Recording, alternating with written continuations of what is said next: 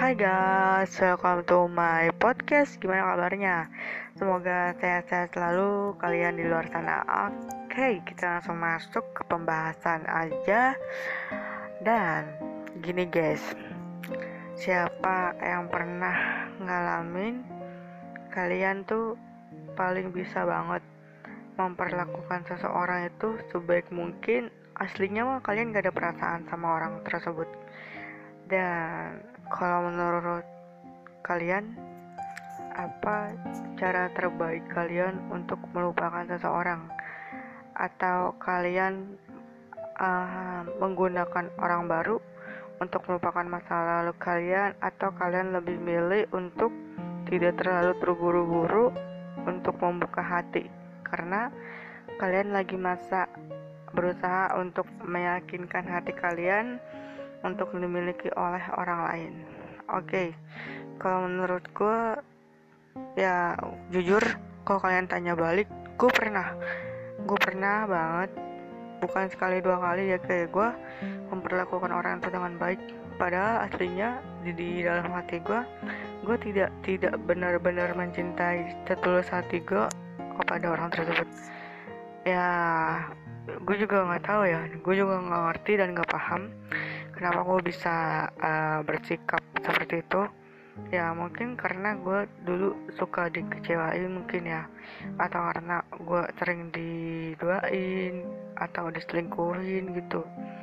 Ya gue tahu ini ada hal yang paling jahat banget dan gak banget buat dilakuin untuk semua orang gitu terutama buat gue uh, tapi gue berusaha untuk uh, nutupin segala sesuatu yang kurang dalam diri gue kepada pasangan gue atau apa pun itu yang berkaitan dengan hal-hal yang rusak hubungan. Nah jadi gue nggak menutup uh, kemungkinan ya untuk menutup uh, sisi buruk dalam diri gue brengseknya gue jahatnya gue karena gue nggak mau juga nanti uh, pasangan kita tuh pasti naruh harapan buat kita. Ya kan berapa persen dari dia sebelum dia mencintai kita terlebih dahulu nah pasti pasangan kita tuh menaruh harapan buat kita. Jadi maksud gue kalian jangan sampai bikin ekspektasi dia tuh hancur. Karena ya dia cuma berharap uh, kita ya kan? Mungkin dia punya rumah tapi rumahnya itu udah nggak baik lagi dan maksimal lagi gitu.